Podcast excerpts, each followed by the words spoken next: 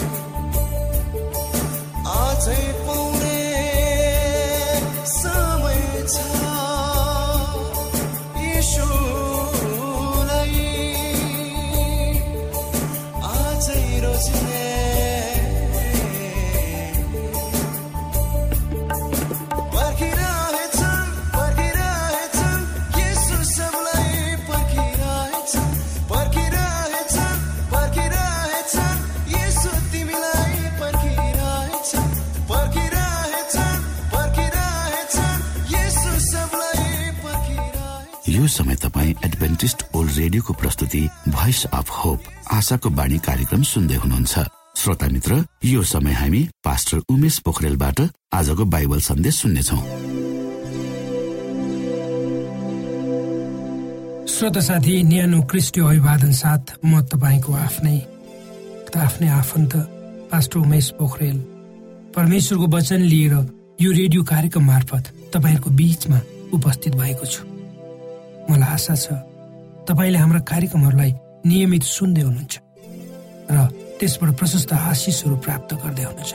श्रोत साथी यदि तपाईँका कुनै जिज्ञासाहरू छन् भने तपाईँको निम्ति हामीले प्रार्थना गरिदिनु पर्ने छ भने तपाईँका कुनै गवाहीहरू छन् भने हामीलाई लेखेर पठाउनुहोस्। तपाईँको निम्ति हामी प्रार्थना गर्न तयार छौँ। तपाईँको दुःखमा र सुखमा हामी सहभागी हुन तयार छौँ। श्रोता आजको प्रस्तुतिलाई पस्कनुभन्दा पहिले आउनुहोस् हामी परमेश्वरमा अगुवाईको लागि प्रार्थना राख्नेछौँ। जीवी जिउँदो परमेश्वर हामी धन्यवादी छौँ। यो जीवन र जीवनमा दिनुभएका प्रशस्त आशिषहरूको लागि। प्रभु यो रेडियो कार्यक्रमलाई म तपाईँको हातमा राख्दछु।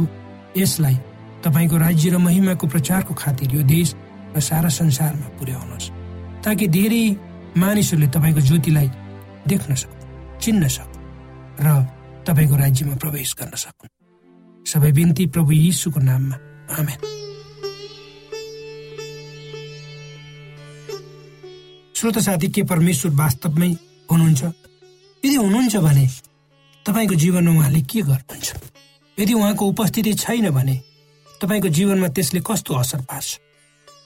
यी प्रश्नहरू आजका युगमा बाँचेका सबैको मनमा उब्जने प्रश्नहरू हुन् जस्तो मलाई लाग्छ।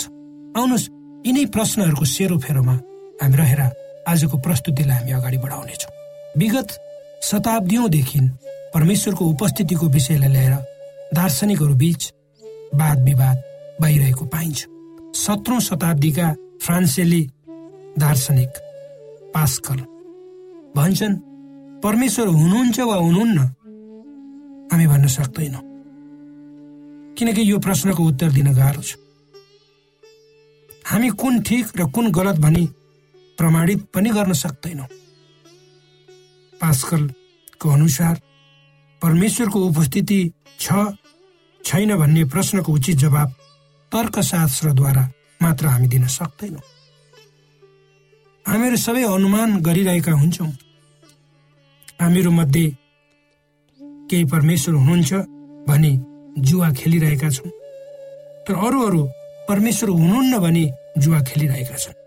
हामीहरू जुन किसिमले आफ्नो जीवन जिउँछौँ त्यही रूपमा हामी जुवा खेलिरहेका हुन्छौँ। कसरी यो सांसारिक बाजीमा तपाईँ हामी सहभागी भइरहेका छौँ त? कुनै जुवाको खालमा बसेका मानिसहरू आफ्नो फाइदाको निम्ति कुनै पनि खतरा वा जोखिम लिन चाहन्छन् र लिन्छन्। यहाँ परमेश्वर हुनुहुन्छ भन्ने कुरामा तपाईँ हामी कति सहमत छौँ? हुनसक्छ पचास पचास प्रतिशत साठी चालिस प्रतिशत। श्रोत साथी आउनुहोस्। पहिले परमेश्वर साँच्चै हुनुहुन्छ भन्ने शर्तमा हामी चर्चा गरौँ। अब यो बाजीमा के के कुरा चाहिन्छ पहिलो शर्त जसले परमेश्वर हुनुहुन्छ भनेर मान्छ अर्थात् पहिलो शर्त अर्थात् जसले परमेश्वर हुनुहुन्छ भनेर मान्छ। वा तपाईँले तपाईँ र मैले परमेश्वर हुनुहुन्छ भनेर मानिसक्छु। तब तपाईँ हामीले उहाँको नैतिक सिद्धान्तभित्र रहनुपर्छ। जसरी पवित्र धर्मशास्त्रमा भनिएको छ आफूलाई झै आफ्ना छिमेकीलाई प्रेम गर। अनि तपाईँ आफ्नो जीवनमा इमान्दार हुन सक्नुहुन्छ। तपाईँले आफ्नो समय र शक्ति अरूहरूको निम्ति दिन सक्नुहुन्छ। जब हामी उहाँको नैतिक सिद्धान्तभित्र रहन्छौँ र परमेश्वरको आराधनामा समय बिताउनुहुनेछ अथवा आफूसँग भएको रुपियाँ पैसा समेत अरूलाई दिन तपाईँ तयार हुन सक्नुहुनेछ। मानव परमेश्वर हुनुहुन्न र तपाईँले बाजी हार्नुभयो।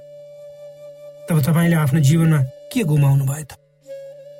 यदि तपाईँ इसाई हुनुहुन्छ भने तपाईँ भन्न सक्नुहुन्छ केही पनि गुमाइन। यदि परमेश्वर हुनुहुन्न भने यो जीवनपछि अर्को जीवन हुँदै त्यो कुरा हामीले स्पष्ट रूपमा बुझ्नुपर्छ। अर्कोतिर यदि वास्तवमै परमेश्वर हुनुहुन्छ भन्ने तपाईँले बाजी जित्नुहुन्छ र त्यो जी र यो जीवनमा तपाईँ परमेश्वरसँग हिँड्नुहुन्छ र परमेश्वरको उपस्थितिको मिठो अनुभूतिको अनुभव तपाईँको भित्री आत्माले गर्दछ र तपाईँका जीवनका सम्पूर्ण कुराहरू परिवर्तित हुनेछन् र तपाईँको जीवनलाई हेर्ने दृष्टिकोण पनि बदलिनेछ र तपाईँ शान्ति आनन्द र विश्वासपूर्वक आफ्नो जीवनलाई परमेश्वरमा अगाडि बढाउनु हुनेछ। तपाईँ जहाँ बस्नुहुन्छ जहाँ काम गर्नुहुन्छ जहाँ जानुहुन्छ जो जोसँग तपाईँको सम्पर्क हुन्छ त्यहाँ परमेश्वर साँच्चै हुनुहुन्छ भन्ने कुरा तपाईँबाट अरूले देख्नेछ तपाईँको बोली वचन र व्यवहारले परमेश्वरलाई चाख्ने मौका पाउनेछ यो जीवनपछि हाम्रो लागि अर्को जीवनको प्रतिज्ञा गरिएको छ। इसाईहरूसँग एउटा यस्तो जीवित आशा छ। उनीहरू पुनः आफ्ना आफन्तहरूलाई जसलाई उनीहरूले यो संसारमा भौतिक रूपमा गुमाएका छन् पुनः भेट्नेछन्। यदि परमेश्वर हुनुहुन्न भन्ने यो जीवनपछि तपाईँ हाम्रो अर्को जीवन छैन कुनै आशा पनि छैन। श्रोता साथी हाम्रो जीवनमा यस्ता क्षणहरू आउँछन् जुन समयमा हामीले आफूले सबभन्दा माया गरेको व्यक्तिलाई माटोमा हामी गाड्छौँ वा आगोमा जलाउँछौँ चाहे नचाहेर आँखाभरि आँसु बगाउँदै विदा गर्छौँ।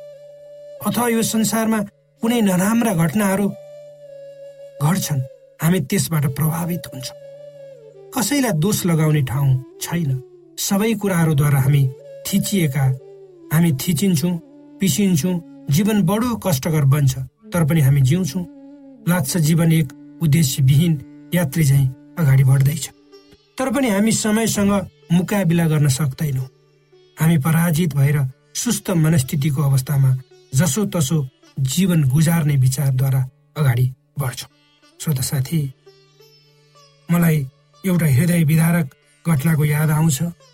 अफ्रिका महादेशको एउटा देश जो भोकमरीको गहिरो सङ्कटमा गुज्रेको छ त्यसमाथि हैजाको प्रकोपले धेरै मानिसहरू मरिरहेका छन्। एउटा सानो केटो दस वर्षको हुनुपर्छ हाड र छाला मात्र छ। शरीरमा कुनै वस्त्र छैन। संयुक्त राष्ट्र सङ्घले वितरण गर्ने खाना खाने क्याम्प दिएर सकि नसकी घिस्रदै लामो सास फेर्दै आराम गर्दै अगाडि बढिरहेको हुन्छ। त्यसको पछि एउटा गिद्ध आफ्ना गिद्धे दृष्टिद्वारा उक्त केटो कति बेला मर्छ र आफू खान पाउँछु भनेर पछ्याइरहेको हुन्छ। मलाई थाहा भएन। त्यो विचार अभागी केटो संयुक्त राष्ट्र सङ्घको खाने बान्ने ठाउँसम्म पुग्यो र आफ्नो पेट भर्न पाए कि पाएन। वा बिचैमा मर्यो। तर त्यो दुष्ट गिद्ध मर्यो अथवा त्यो दुष्ट गिद्धको शिकार भयो। तर मेरो मन रोयो। उक्त दृश्य देख्दा कस्तो अभागी त्यो बिचरा म सुत्न सकिन। त्यसलाई सम्झेर हुन त त्यो केटा जस्ता कैयौँ मानिसहरू आज जीवन र मृत्यु बीचमा छन्। बाँच्नको लागि सङ्घर्ष गरिरहेका छन्। जसो तसो अगाडि बढ्ने कोसिसमा छन् तर बाटैमा उनीहरू हराइरहेका छन्। श्रोता साथी यदि नास्तिक वा परमेश्वरमा विश्वास नगर्नेले बाजी जित्यो भने उसलाई उसले बाजी जितेको भन्ने कुराको जानकारी नै हुँदैन। किनकि उसका लागि यो जीवनपछि अर्को जीवन छैन। यदि उसले बाजी हार्यो भने उसले परमेश्वरले गर्नुभएका प्रतिज्ञा अनुसार अनन्तको जीवन गुमाउनेछ। श्रोता साथी परमेश्वरको उपस्थिति यो संसारमा छ। उहाँ तपाईँ हामीसँग हुनुहुन्छ। तपाईँ जस्तो सुकै अवस्था भएर गुज्रिनु भएको किन नहोस् उहाँ तपाईँलाई तपाईँका खातिर आफ्नो जीवन दिन तयार हुनुहुन्छ। परमेश्वर प्रेम हुनुहुन्छ। त्यही मानव जातिको निम्ति पोखिएको छ। यो संसारमा हामी एक परदेशी झै छौँ। हाम्रो यात्राको समय छोटो छ। हाम्रो स्थायी घर यो संसारमा होइन। यो त क्षणिकको लागि मात्र। संसारमा जहिलेसम्म हामी बस्छौँ तबसम्म दुःख कष्ट समस्याहरू अप्ठ्याराहरू विभिन्न बाधा अवरोधहरूद्वारा हामी घेरिएका हुन्छौँ। हामी थकित हताश वा निराश हुन्छौँ किनकि सैतानले तपाईँ हामीलाई विभिन्न रोग व्याध समस्या अप्ठ्यारा र उल्झनहरूद्वारा गाँजिरहेको हुन्छ। र सैतानिक पासोमा हामी जाकिएका हुन्छौँ। र आफ्नो जीवन उपस्थितिको यो संसारमा र आफ्नो जीवन उपस्थिति यो संसारमा किन भएको छ? हामी के को लागि जिइरहेका छौँ? जस्ता प्रश्नहरूको वास्तविक अर्थ थाहा नै नपाई कयौँ तपाईँ हामी जस्ता हाम्रा दाजुभाइ दिदीबहिनीहरूले यो संसार छोड्दैछन् वा छोडिरहेका छन्। हाम्रो आशा भनेको संसारमा होइन तर परमेश्वरमा हुनुपर्छ। उहाँ हाम्रो प्रभु येसु हुनु। उहाँ हाम्रो प्रभु हुनुहुन्छ। उहाँ हाम्रो गोठालो हुनुहुन्छ। उहाँ तपाईँ र मेरो निम्ति मर्नुभयो ताकि तपाईँ र म जिउन सकु।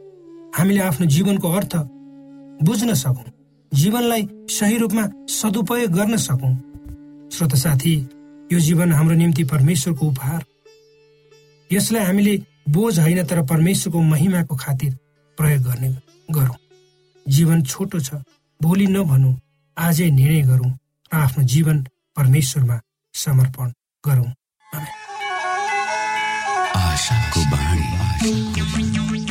श्रोता भर्खरै यहाँले पास्टर उमेश पोखरेलबाट बाइबल वचन सुन्नुभयो। यो समय तपाईँ एडभेन्टिस्ट ओल्ड रेडियोको प्रस्तुति भोइस अफ होप आशाको बाणी कार्यक्रम सुन्दै हुनुहुन्छ। कार्यक्रम सुनेर बस्नुहुने सबै श्रोतालाई हामी हाम्रो कार्यक्रममा स्वागत गर्न चाहन्छौ।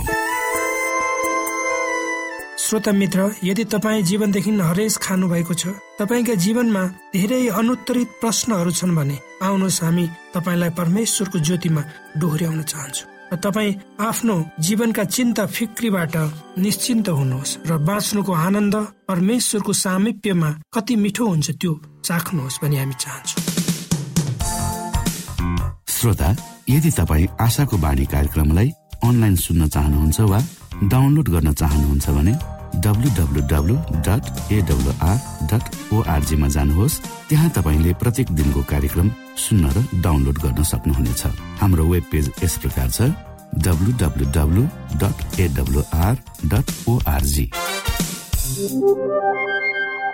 श्रोता यदि तपाईँ हामीसित सिधै फोनमा सम्पर्क गर्न चाहनुहुन्छ भने हाम्रा नम्बरहरू यस प्रकार छन्। अन्ठानब्बे एकसाठी पचपन्न शून्य एक सय बिस अन्ठानब्बे एकसाठी पचपन्न शून्य एक सय बिस र अर्को अन्ठानब्बे अठार त्रिपन्न पन्चानब्बे पचपन्न. अन्ठानब्बे अठार त्रिपन्न पन्चानब्बे पचपन्न. यो आशाको बाणी रेडियो कार्यक्रम हो। म धनलाल राई यहाँहरूलाई यस कार्यक्रममा न्यानो स्वागत गर्दछु। आजको समसामयिक विषयको प्रस्तुतिमा उद्देश्य प्रेरित पुनर्जन्म देश देशभरका आत्मा परिवर्तनका कथाहरू प्रस्तुत छ। स्वीकार्नुहोस्। आजको कथा मार्डेकाई सिमाङ दुष्ट आत्मा हटाइन्छ। ग्लोबल मिसन अग्रज जिम्बावे अफ्रिकाबाट।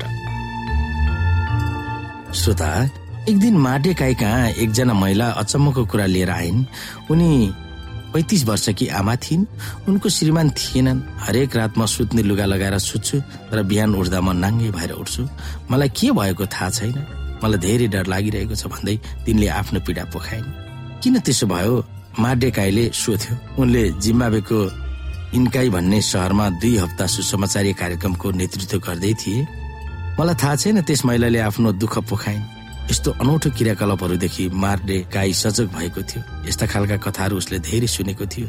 ती सबै दुष्ट आत्माको क्रियाकलाप भएको उसलाई थाहा थियो। त्यसलाई कसरी समाधान गर्ने सो उसलाई थाहा थियो। के तपाईँले यसोलाई ग्रहण गर्नुभएको छ? उसले सोधे यदि तपाईँले प्रार्थना गर्नुभयो भने तपाईँ नाङ्गे किन उठ्नु पर्यो? सो कुराको बारेमा उहाँले तपाईँलाई बुझाइदिनुहुनेछ। आफूले आफ्नो जीवनमा यसुलाई ग्रहण गरेको कुरा त्यस महिलाले भने। उनले यसुलाई अघि नै विश्वास गरेको आधारमा मार्डेकाईले चर्चका सबै विश्वासीहरूलाई जम्मा गरेर प्रार्थना गर्यो। तिनीहरूले तीन दिनसम्म त्यस महिलाको निम्ति प्रार्थना गरे अनि तेस्रो दिनमा मार्डेकाई त्यस महिलाको घरमा गएर उनलाई कस्तो भइरहेको छ भनेर सोधे। तिन दिनदेखि मलाई ठिकै भइरहेको छ बिहान मेरो लुगा फुकालिएको छैन अचम्म मान्दै त्यस महिलाले जवाफ दिइन् पछि त्यस महिलाले बत्तिसमा लिइन् र त्यहाँदेखि दुष्ट आत्माहरूले फेरि कहिले पनि छोपेनन्। अफ्रिकाको जिम्बावेबाट दुष्ट आत्माले धेरै जसो मानिसहरूलाई सताउने काम बारम्बार भइरहन्छ। त्यो देशका धेरै मानिसहरू अन्धविश्वास गर्छन् र अनेकौं तन्त्र मन्त्र झाँक्री आदि परम्परामा ती मानिसहरू लाग्छन्। जुन क्षेत्रमा माडेकाईले काम गरिरहेको थियो त्यो क्षेत्रमा केवल ऊ मात्र ग्लोबल मिसनको पाइनियर थियो र अरू कुनै एडभान्टेजहरू थिएनन्। त्यहाँ उसले ती दुष्ट आत्माले सताएका धेरै मानिसहरूलाई सम्भावना परेको थियो। अहिले जिम्बावेको दक्षिणमा रहेको मतापु भन्ने जिल्लामा माडेकाई कार्यरत छ। आइतबार पालन गर्ने चर्चले उसलाई प्रवचन दिन निम्ति आएको थियो। त्यस बेला घुँडा दुखेको एउटी महिलाले प्रार्थना गरिदिन उसँग अनुरोध गरिन्। जब उसले प्रार्थनामा यशुको नाउँ लिने बित्तिकै ती महिला भुइँमा ढलिन्। त्यसको अर्थ दुष्ट आत्माले उनलाई छोड्यो।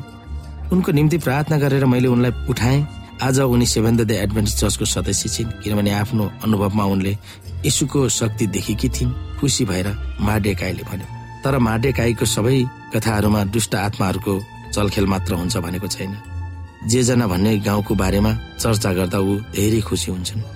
सन् दुई हजार सातमा उसलाई ग्लोबल मिसन पाइनियर बनाएर त्यस गाउँमा पठाइएको थियो। ऊ घर घरमा गएर सावत र यशुको बारेमा सिकाउँथ्यो। एक वर्षभित्र उसको प्रयासमा एउटा चर्चको सोह्रजना र पास्टर समेतले एडभान्टेज चर्चमा बत्तिसमा लिए।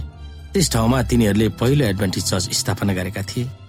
एक दिन साउथ अफ्रिकाको सिमानामा रहेको जिम्बावेको बिद ब्रिज भन्ने सहरको प्राथमिक स्कुलमा सुसमाचार श्रृङ्खलाबद्ध रूपमा प्रचार गर्दै थियो।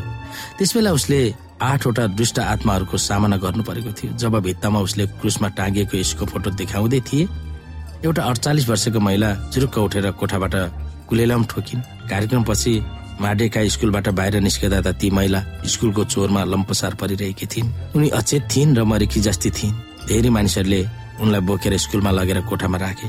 माडेकाईले चर्चका दसजना विश्वासीहरूलाई भेला गर्यो र ती महिलाको वरिपरि बसेर गीत गाउँदै प्रार्थना गर्न थाले। जब तिनीहरूले यसुको नाउँ लिए तब ती महिला अचानक उठेर बसिन् अत्यन्तै डरलाग्दो गरेर कापिन् र फेरि भुइँमा लम्पसार परिन्। त्यसको अर्थ दुष्ट आत्माले ऊ भागेको उसलाई देखाएको थियो। जब उनी स्वतन्त्र भयो कि भनेर मार्रेकाईले जान्न चाह्यो र सोधे के तपाईँले यसोलाई प्रार्थना गर्नुहुन्छ? तर ती महिला केही हलचल नगरी भुइँमै लडिरहन्। त्यसको अर्थ उनी अझ पनि दुष्ट आत्माको पकडमा थिइन् भनेर देखाएको थियो। चर्चका विश्वासीहरू फेरि प्रार्थना गर्न थाले र गीत गाउन थाले। यसको नाउँ सुन्ने बित्तिकै ती महिला जुरुक उठेर बसिन् र कापिन् र फेरि भुइँमै लडिन्। अर्को दुष्ट आत्माले उनलाई छोपेको थियो के तपाईँले यसुलाई प्रार्थना गर्नुहुन्छ? माडेकाईले सोधे फेरि। तर ती महिलाले हलचल गरिनन्। त्यो दृश्य बारम्बार दोहोरिरह्यो। त्यस प्रार्थनाको समूह बेलुका नौ बजेदेखि बिहान नौ बजेसम्म गीत गाइरहेर प्रार्थना गरिरहे। आखिरमा आठौँ पल्टमा ती महिलाले माडेकाईले अनुरोध गरेको प्रार्थना सुनिन्। उनले टक्क बसेर स्पष्ट रूपमा प्रार्थना गरिन् हे मेरा प्यारो प्रभु यसु मलाई दुष्ट आत्माहरूबाट छुटकारा दिनुभएकोमा म तपाईँलाई धन्यवाद दिन्छु। मलाई सहयोग गर्नुहोस् र मलाई यस कोठाबाट रहेका अरू विश्वासीहरू जस्तै बनाउनुहोस्। ती महिला सेभेन द एडभान्टेज भएकी छिन् र अहिले चर्चको डिकिनेस भएर चर्चको सेवा गर्छिन्। मेरो जीवनमा परमेश्वरले सधैँ राम्रो गरिरहनु भएको छ। हर्षित भएर माडेकाईले व्यक्त गरिन्।